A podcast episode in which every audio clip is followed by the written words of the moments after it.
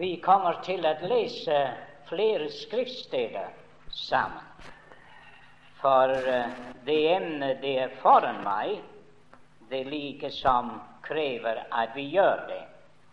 Og jeg skal først lese i Det gamle testamentet, hos den lille profeten som vi kaller dem, Habakuk. Og i det andre kapittel og fra det første vers På min vaktpost vil jeg stå og stille meg på varden. Og jeg vil skue ut for å se hva, hva han vil tale til meg, og hva jeg skal få til svar på mitt klagemål. Og Herren svarte meg og sa synet. Skriv det tydelig på tavlene, så det kan leses med letthet. For ennå må synet vente på sin tid, men det haster mot enden og lyver ikke. Om det dryger, så bi efter det, for komme skal det. Det skal ikke utebli. Se, opplest og uærlig er hans sjel i ham, men den rettferdige skal leve ved sin tro. Les nå i Romerbrevet, i det første kapittel i Romerbrevet, og vers 16.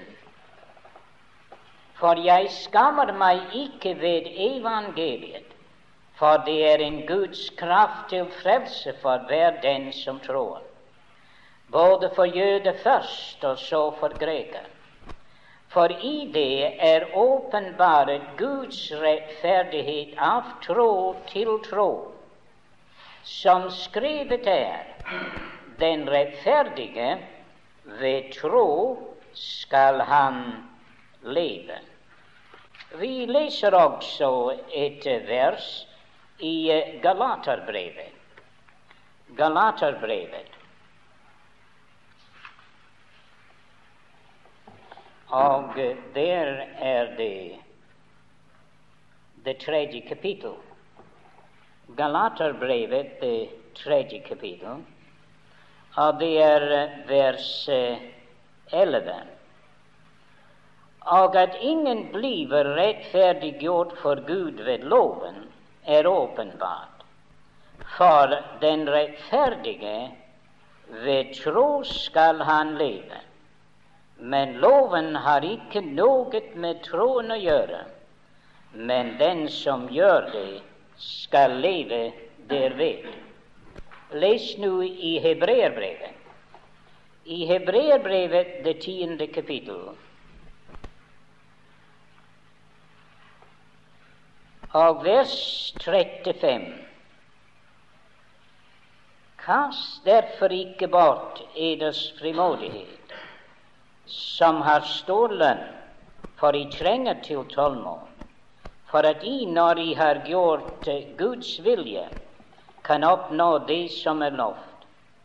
For ennå er det bare så kort en stund, så kommer Han som skammer skal og han skal ikke dryge.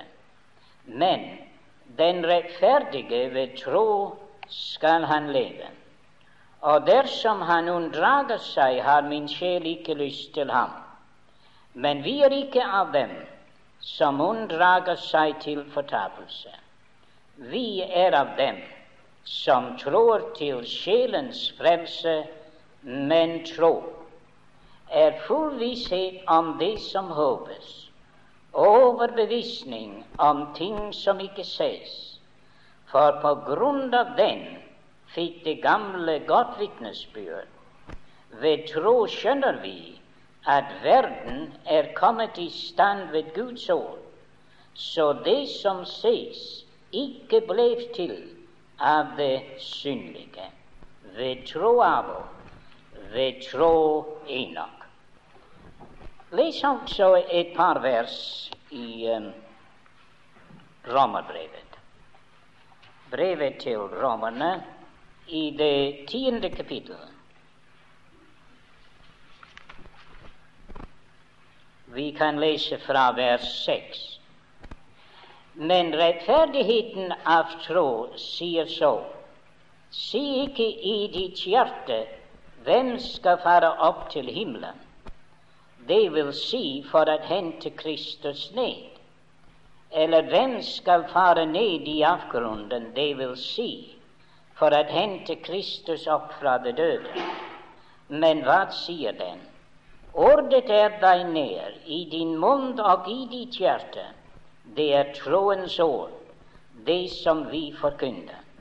For dersom du med din munn bekjenner at Jesus er Herre, og i ditt hjerte tror at Gud oppvakte ham fra det døde, da skal du blive frelst.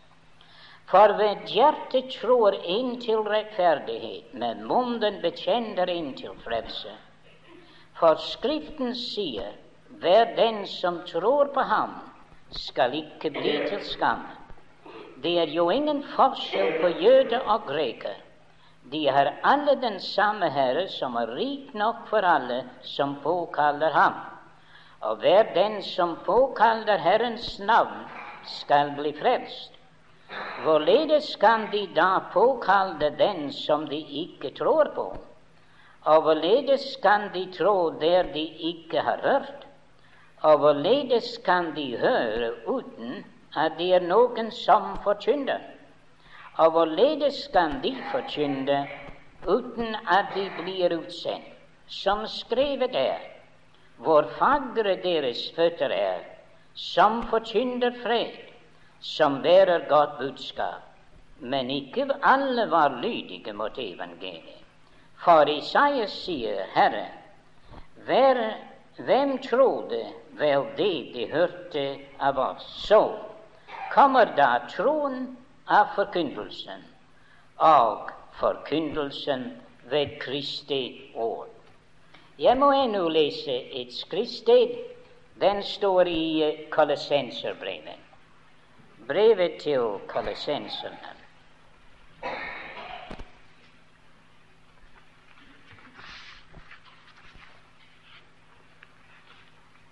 det første kapittel.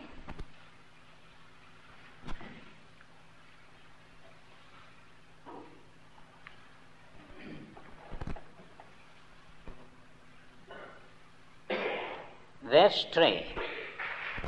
Vi takker alltid Gud og vår Herre Jesu Kristi Fader når vi beder for eder efter at vi har hørt og med oss tro på Kristus Jesus og den kjærlighet som vi har til alle de hellige, for det håps skyld som er gemt for eder i himmelen, ne, som I forut har hørt om ved sannhetsord i evangeliet.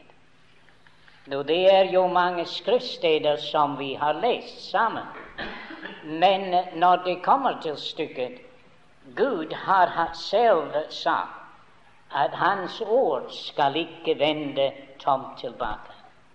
Og det er egentlig ikke hva vi sier om ordet, men det er ordet selv som har den sanne kraft.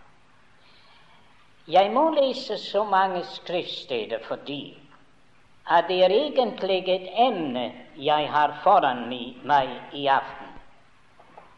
Vi leste i Kolossenserbrevet om at Paulus kunne takke for deres tro på den Herre Jesus, for den kjærlighet de hadde til alle de hellige, og for det håp som var gemt for dem i himmelen. Nå, det er tre ting nevnt der. Det er tro på den Herre Jesus, det er kjærlighet, og det er håp.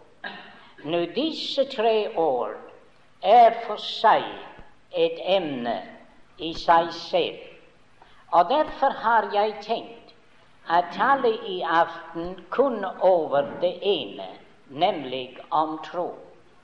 Men Paulus og Peter og Johannes, alle disse tre store apostler, det var disse tre ting som de meget ofte talte om Alle tre taler om tro og kjærlighet og håp. Det ville være interessant å gå igjennom de forskjellige skriftsteder i de forskjellige bøker og se hva det er som disse har å si om tro og om håp og om kjærlighet. Men i aften skal vi ikke gå så meget inn på dette, men bare at nevne at de alle sammen, og Paulus i nesten alle sine brev, han taler om tro og håp og kjærlighet. Og til og med det er en av de grunner hvorfor jeg har en tilbøyelighet til å tro at det var han som skrev hebreerbrevet. For endog hebreerbrevet unnlater ikke å underskrive disse tre store tanker tro, håp og kjærlighet. Nå, disse tre ting er noe som alle Guds barn har. Du har ikke sett et Guds barn som ikke har tro. Og du har ikke sett et Guds barn som ikke har kjærlighet. Og du har ikke sett et Guds barn som ikke har håp. Du har vel sett mange verdensmennesker som ikke har tro. Og du har sett verdensmennesker som ikke har kjærlighet. Og til og med du har sett verdensmennesker som er uten Gud og derfor uten håp. Men du har aldri sett et Guds barn uten disse tre ting. Og jeg ville si at disse tre ting har vært de største prinsipper som har vært utgivet blant mennesker i all den tid som mennesker har vært til. Hva skulle ha vært om det ikke var tro? Hva skulle det være om det ikke var kjærlighet? Hva skulle det være om det ikke var håp? Det er det det er i veien med vår verden i dag. Vår verden har forkastet tro. Og når de forkaster tro, så forkaster de også kjærlighet. Og når de forkaster tro og kjærlighet, så går håpet til grunne.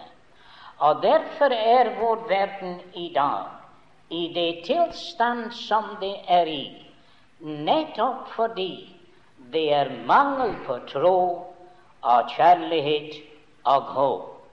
Så er det eneste en som har fått disse tre ting i hjerte, de burde være Gud inderlig takknemlig at de eier tro på den Herre Jesus, at de eier kjærlighet til Gud og til det hellige, og at de har et håp som er lagt for dem i himmelen.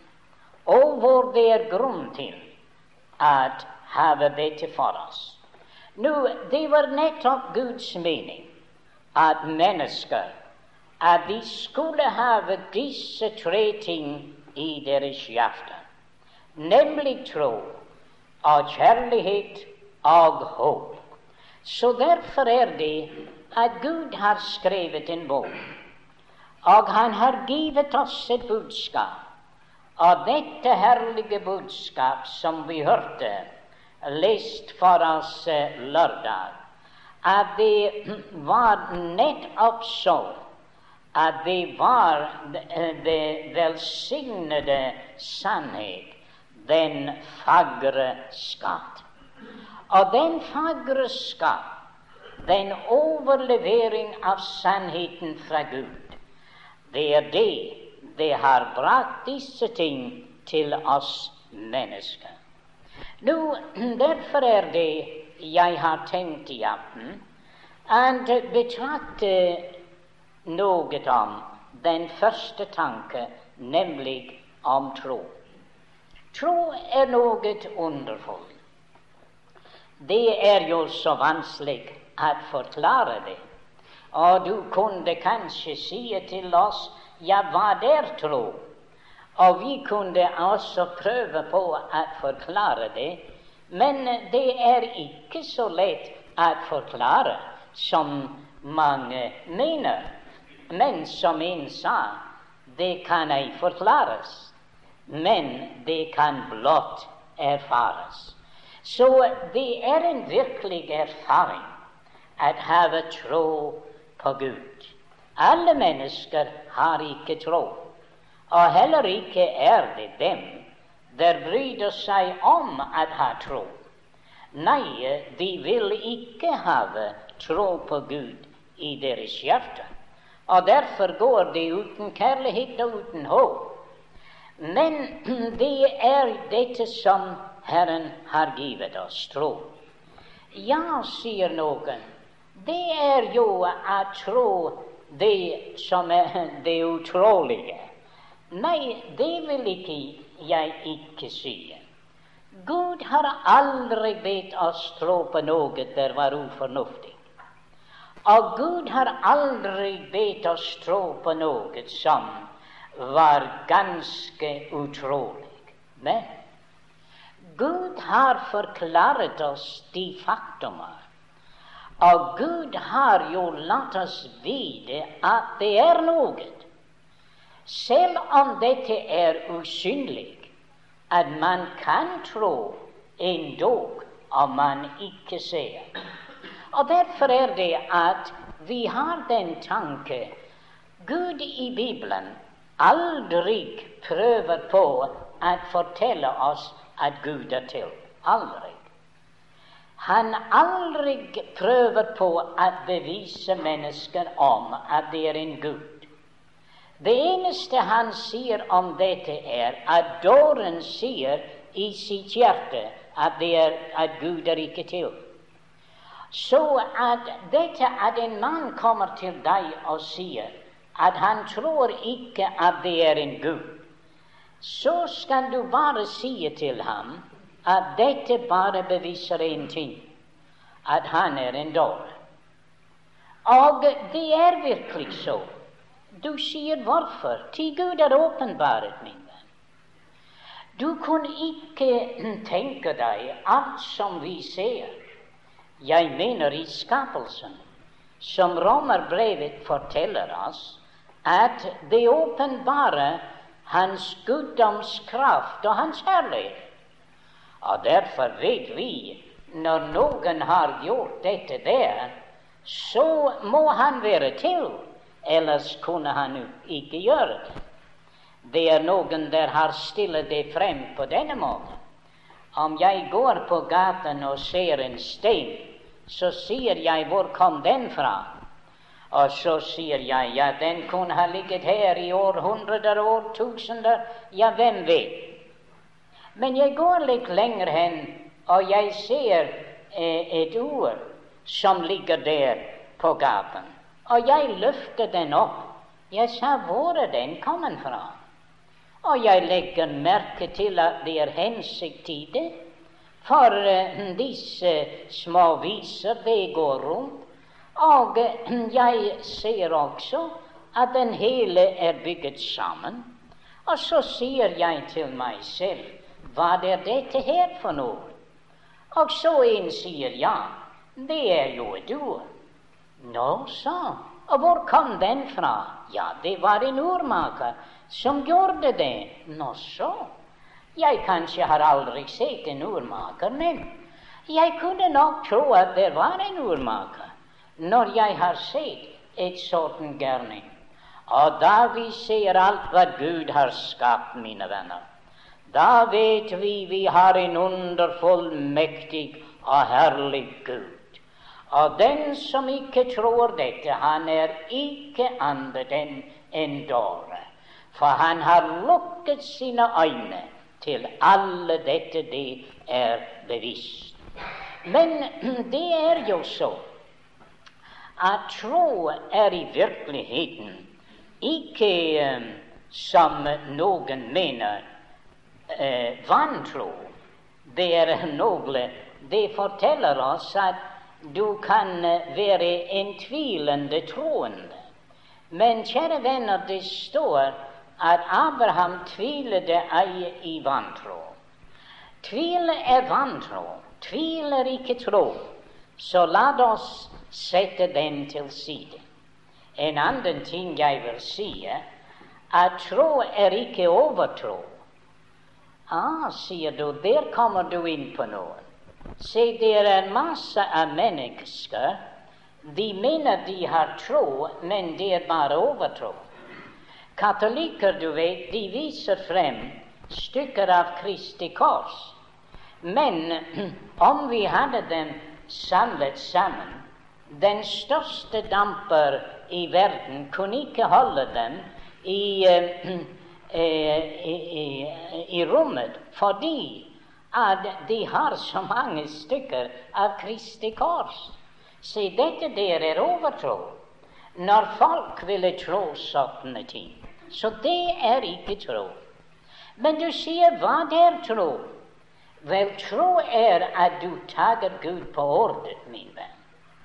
At du har hørt noe fra Gud, og at du har taget imot hva Gud sier. Ja, det er tro. Og det er ingen annen forklaring på det enn at du tager Gud på ordet. Så min venn, du skal ikke ransake ditt hjerte for å finne stor tro eller liten tro. Men saken er dette kan du tro på Gud? Som en sa 'Jeg tror på Gud'. Ja, dette er tro. At du virkelig tror at Gud er til. For det står at den som kommer til Gud, han må tro at Gud er til, og at han må tro at Gud lønner dem som søker ham. Det er disse to nødvendige ting. Og det er velsignet med dette som heter tro. Det er like som det er en hånd. der er rakt ut og griper, hadde jeg nesten sagt, det ubegripelige. Og den ser de ting som er usynlige. Ja. Se, Gud kan ikke ses, men vi kan tro på ham. Og dette er jo dette som har vist seg at være den største kraft i denne verden, fordi det giver en overbevisning. Tro er en overbevisning om de ting som ikke ses. Det er en full visshet se, om ting som vi ennå ikke har kunnet se. Og derfor er tro en veldig makt. Det kan løfte deg og meg ut av denne verden, hadde jeg nesten sagt, og den kan sette oss i kontakt med det guddommelige. Og der ligger kraften. Du vet hvordan det er med elektrisitet. Alle disse lamper og alt, de ville være døde. Men det øyeblikk de kommer i berøring med den store kraftstasjonen, så kommer det liv og kraft i det alt sammen. Og således er det at dette som heter tro, er noe som setter menneskesjelen i forbindelse med det virkelige og det guddommelige. Se, åndelige ting kan ikke ses, men åndelige ting kan oppleves, nemlig når man kommer i kontakt med dem. Så vi kan se ting som øyet ikke har sett. Vi kan høre ting som øret ikke har hørt. Vi kan oppleve ting som ennå ikke er opplevd av mennesker fordi Ånden som er i oss. Gjør disse ting velsignede og virkelig i vår hjerte. Så derfor er det, min venn, så velsignet å vite dette, at det er noe som heter tro. Tro er en gave fra Gud. Og tro er stille til hver eneste menneske. Og det er ikke umulig for noen å tro. Et menneske kan, om han vil tro, han kan tro på den Herre Jesus Kristus. For det står at uh, den som tror på Sønnen, har evig liv. Men den som ikke vil tro på Sønnen Og derfor ville Gud ikke si dette. Om et menneske kunne, eh, ikke kunne tro Nei, det står 'dem som ikke vil tro'. Og der er mennesker i dag som kunne tro, men de vil ikke tro. De fullstendig forkaster Gud. Så vi har foran oss her dette herlige at tro er den store kontakt med Gud. Det bringer oss i berøring med det usynlige og giver oss full visshet om de ting som ikke ses. Abraham var overbevist om at det var en stad med de faste grunnvoller. Hvordan kunne han være overbevist om dette? Ja, det var tro. Og ikke bare det, men han var overbevist om oppstandelse. Du sier jeg trodde ikke at Abraham visste noe om dette. Vel, det står at han trodde at han ville reise ham fra det døde, fordi Gud hadde lovet at alle de løfter var i Isak. Og Gud sier til ham, 'Du skal ofre din sønn'. Vel, tenkte Abraham, det er merkelig. Gud sier alle løfter er i Isak, og nå sier han, 'Du skal ofre Isak'. Hvordan kan det være? Hva om løftene? Ja, da må Gud reise ham fra det døde, tenkte han. Ja. Og han fikk ham billedlig talt tilbake fra det døde. Se, tro stoler på hva Gud har sagt, og kan gjøre hver eneste ting som Gud har fortalt oss om, til virkelighet. Det er mennesker der vandrer igjennom denne verden og himmelen er i deres hjerte. De har aldri sett himmelen, nei.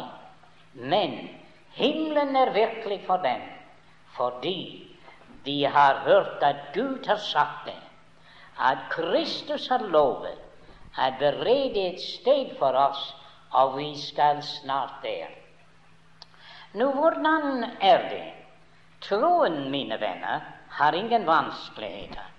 Troen sier ikke 'Hvem skal opp til himmelen for å bringe Kristus ned'? Troen sier ikke 'Hvem skal ned i dybden for å bringe ham opp'? Nei, troen er deg ned. Det er i din munn og i ditt hjerte. Hva er det for noe? Det er troen tager imot hva Gud har sagt, at Gud sendte sin sønn at Jesus Kristus døde på Golgates kors for våre synder. At han ble vrakt i graven, men at han stod opp igjen. Og her er jeg, en stakkars synder, og jeg tror hva Gud har sagt. Jeg tror at Gud elsket meg. Jeg tror at Gud gav Jesus å dø for meg.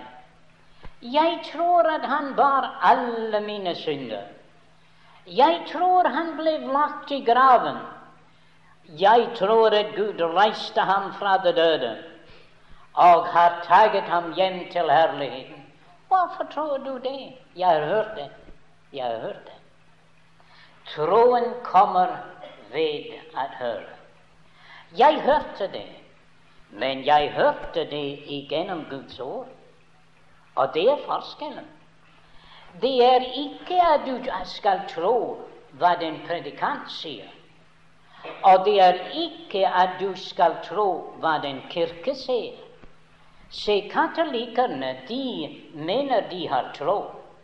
Men saken er det, den tro frelser dem ikke. Hvorfor? De tror på hva Kirken sier, se? men ikke på hva Gud sier. Og det er forskjellen. Du kan tro på hva Kirken sier, og gå fortapt. Men du kan ikke tro hva Gud sier, og gå fortapt. For den som tror på ham, har evig liv. Så troen kommer ved å høre. Og derfor er det nødvendig at det er predikanter. At Gud kaller menn som vil forkynne evangeliet. Og jeg synes det er så merkelig. I eh, Det gamle testamentet det står 'hvor fagre er hans føtter'. Men i det nye så er det hvor fagre deres føtter. Ja, for i Det gamle testamentet det var Herren der brakte det glade budskap. Her er det Han har kalt andre og sendte dem ut med det glade budskap. Og de kommer med det budskap om det himmelske land. Og de kommer med det budskap om Guds store nåde og frelse. Og kommer med det budskap om alle disse herlige ting som kan være din ved troen på den Herre Jesus Kristus. Er det ikke veldig, min venn, å tenke seg så at alt er av tro? Vi kunne ikke gå igjennom det alt sammen som er nevnt i Det nye testamentet om hva et menneske får ved troen på Guds sønn. Men det står 'den som tror på Sønnen, har evig liv'. Har du evig liv, min venn? Og sier du 'jeg er ikke helt sikker på dette'. Ja, hvordan kunne du være sikker på det? Om du følte deg meget lykkelig? Nå, kanskje ikke det. Om jeg sa at du hadde det evige liv, hva så? Nei, heller ikke det. Men om Gud sier at du har det evige liv, kunne du tro ham? Jeg kunne, i hvert fall, og det er det jeg har gjort.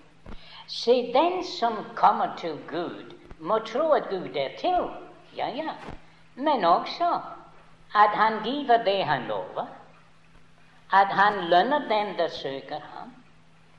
Du må tro også at når du tror på Gud, at du får det som Gud sier du får.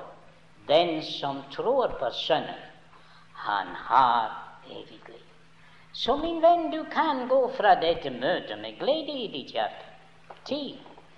Det sier, hva sier det? Ordet er deg nær i din munn og i ditt hjerte at om du tror at Gud har reist ham fra det døde, og med din munn bekjenner Jesus som Herre, så skal du være frelst.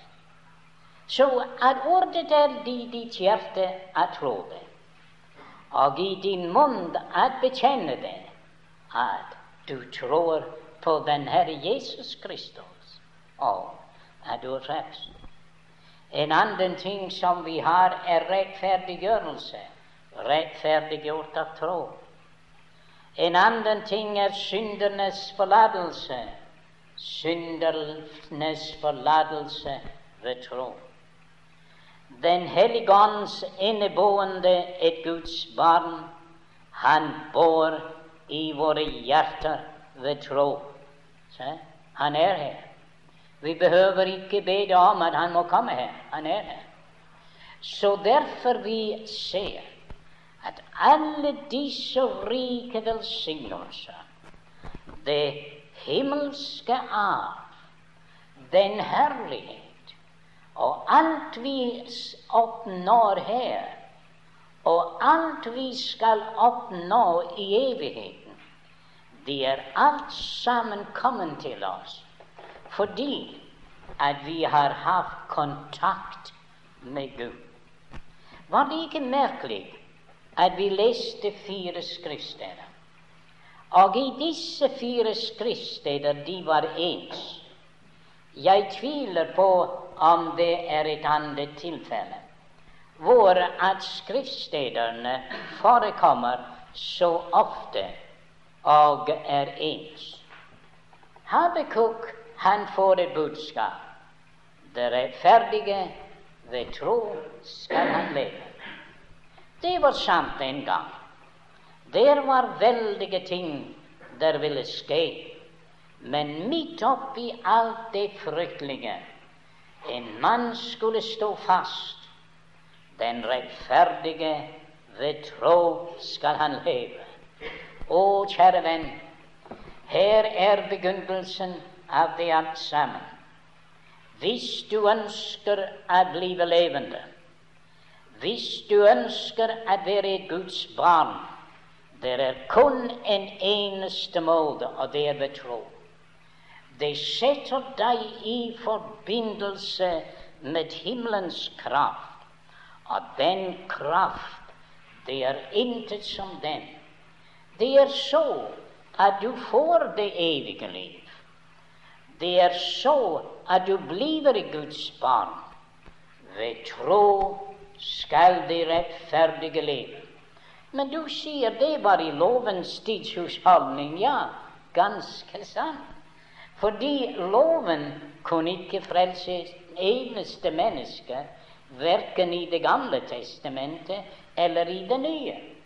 Det drepte mange mennesker, men kunne aldri frelse noen. For ved tro skal de rettferdige leve. Å, kjære venner, disse gamle testamentets hellige, de var frelst av tro. Les den veldige liste der i Hebreerbrevets ellevte kapittel. Ved tro Abraham, Abel, ved tro Inak, ja, ved tro Noah, ved tro Moses. Alle sammen ved tro.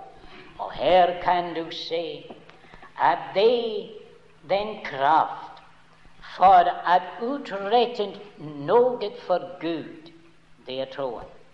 Har du tenkt på det, min venn, at det er den største kraft i denne verden, er troens kraft. Fordi det setter et menneske i forbindelse med guddomskraft. Og du kan ikke leve for Gud uten guddomskraft. Husk på at det står i Efeserbrevet at den kraft som oppreiste Jesus Kristus fra det døde, det er den som står til disposisjon for hver eneste Guds barn. Det er ved tro skal det rettferdige leve. Og når vi kommer til Galaterbrevet, der finner vi at det er ikke bare som i Romerbrevet at man får liv og rettferdighet ved tro, men vi fortsetter vårt liv ved den samme kraft. Vi fortsetter vårt liv ved det samme kraft med denne tro. For den tro er en veldig kraft Johannes forteller oss at uh, hva er det det seirer over verden? Eders tro. Eders tro. Du kan ikke blive noe for Gud i denne verden hvis det ikke var for tro. Og det er den tro på den Herre Jesus der giver deg kraft det nytter ikke noe å sette deg selv under loven og sier du, du må ikke det, og du må ikke det. For loven giver deg ingen kraft til å seire. Men hva giver deg kraft til å seire? Det er eders tro. Den seirer over verden. Og tenk hva disse Guds menn hadde gjort ved tro. Gå tilbake over historien, og du skal se at disse store Guds menn år efter år og århundrer efter århundrer alle dem det har gjort noe for Gud, og alle dem som har brakt ære til Gud, og alle dem som har brakt velbehag til Gud. De har alle vært troens menn. Og i dag, hva er det vi behøver? Vi behøver en hel hær av troens menn og kvinner. At de kan gjøre noe for Gud den dag i denne verden. Hebreerbrevet 11 skrives om igjen hver eneste dag. Der tillegges hundreder av troens menn og kvinner. Hva er det det eh, seirer over denne verden? Det er hederstro. Og i dag er det skrevet opp i himmelen ved tro den og den. Ved tro denne den. Ved tro denne den har gjort noe for Gud i dag, har levet Gud til velbehag, ja, endog vi stakler her. Vi har brakt glede til hans hjerte endog i aften ved å opphøye hans navn og prise ham for den tro han har lagt ned i våre hjerter. Det gjør at vi seirer over denne verden og går mot verdens strøm, der fører sjeler i avgrunnen. Det er deres tro der seirer over denne verden. Men det var jo ikke bare dette. Men tro førte dem jo fremad. Og tro, mine venner, styrket dem dag for dag. Og vi finner at i tro døde alle disse. Hebreerbrevet lader oss se at det er ikke bare tro å begynne med, og tro å fortsette med, men det er også tro til slutten av vår reise. Kanskje det er så at enkelte av Guds barn de kan bli redd for døden. Og det vil jeg ikke si noe til. Eh? Du sier hvorfor? For døden er en fiende. Og det er den siste fiende som skal bli ødelagt. Den skal stå i en lang, lang tid. Men det er en forskjell. Det er to måter å dø på. Man kan dø i sine synder, eller man kan dø i tro. Og det er en veldig forskjell å dø i tro, for det er en seierrik død. Det er en død, mine venner, som er helt annerledes. Faktisk talt, det er ikke noen død. For han smakte døden for oss alle. Og Guds barn skal ikke smake død. Korinterbrevet sier død. Hvor er din brod? Hvor er din seier? Det er jo umulig at dette kan gjøre et Guds barn fortred, fordi han har seiret over døden. Men alle disse døde i tro. Den siste gjerning eller bevegelse i deres liv er å gjøre som vår velsignede Herre og Frelser han gjorde. Fader, i dine hender overgiver jeg min ånd. Og han bøyet sitt hode. Et Guds barn han kan gå inn til Gud i tro. Jeg ofte tenker på min gamle bestemor. Hun var over åtte år gammel. Men hun sa hun ville ikke ha noen uten den datter med seg. Og hun var jo fullstendig klar, men hun sa, du vet, jeg er utslitt, men hjertet er sterkt, og det kan være jeg får en kamp innen jeg kommer fra denne hytta. Men hun foldet sine hender, og hun ba til Gud om at han ville ta henne hjem uten noe kamp. Og hun siterte det vers fra den 103. salme. Min sjel, lov Herren, og alt som er i meg, lov Hans hellige navn. Det sa hun tre ganger, og hun bøyet sitt hoved, og hun var hjemme hos Herren. Jeg synes, mine venner, at dette er å dø i tro. Og Guds barn, de kan forlate denne hytta og gå inn i Guds nærværelse i tro og tillit til Herren. Så la oss tenke og minne våre hjerter. Vi er noen usle, vi alle sammen.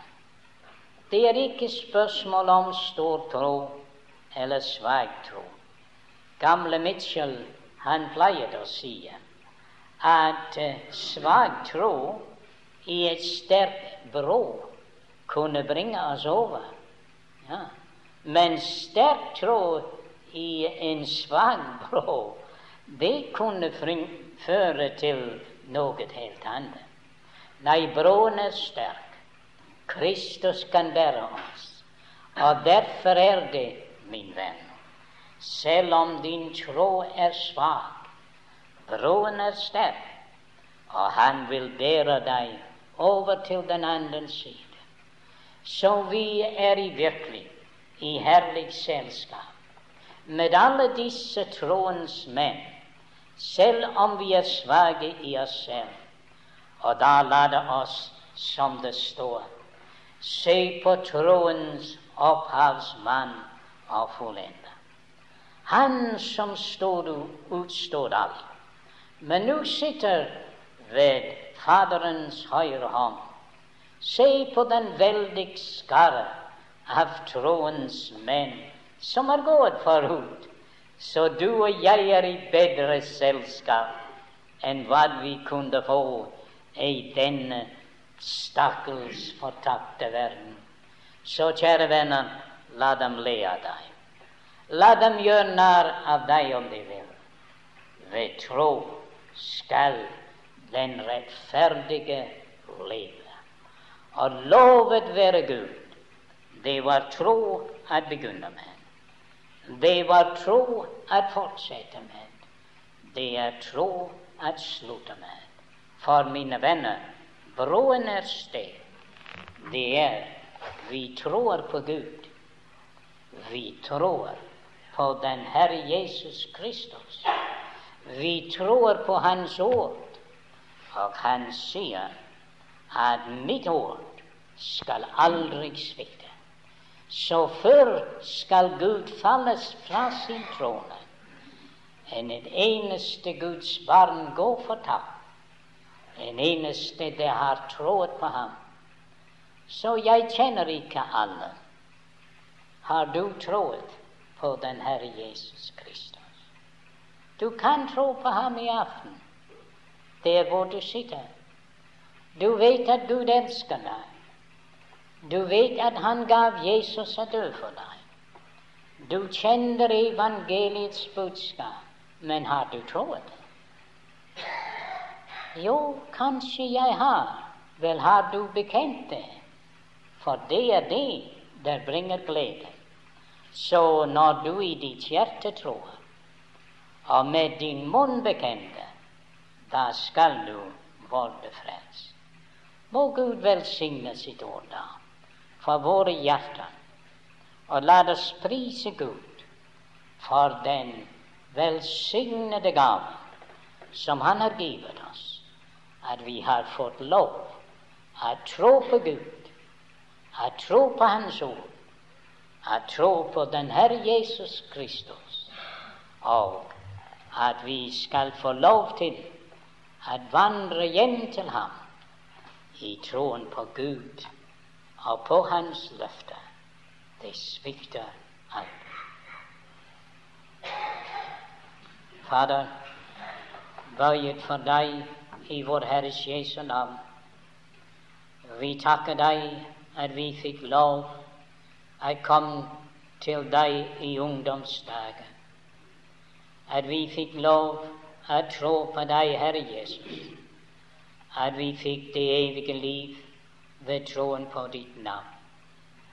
Vi også takker deg, vår Gud og Fader, at du har ført oss igjennom livet ved troen på din Sønn, og du vil føre oss inn i din evige nærværelse. Så må ta vår takk. La din velsignelse være over oss. Er det noen her som ennå ikke har tro, hjelp du dem å komme i aften å tro på den Herre Jesus Kristus og blive frelst. Fader, i vår Herre Jesu navn. Amen.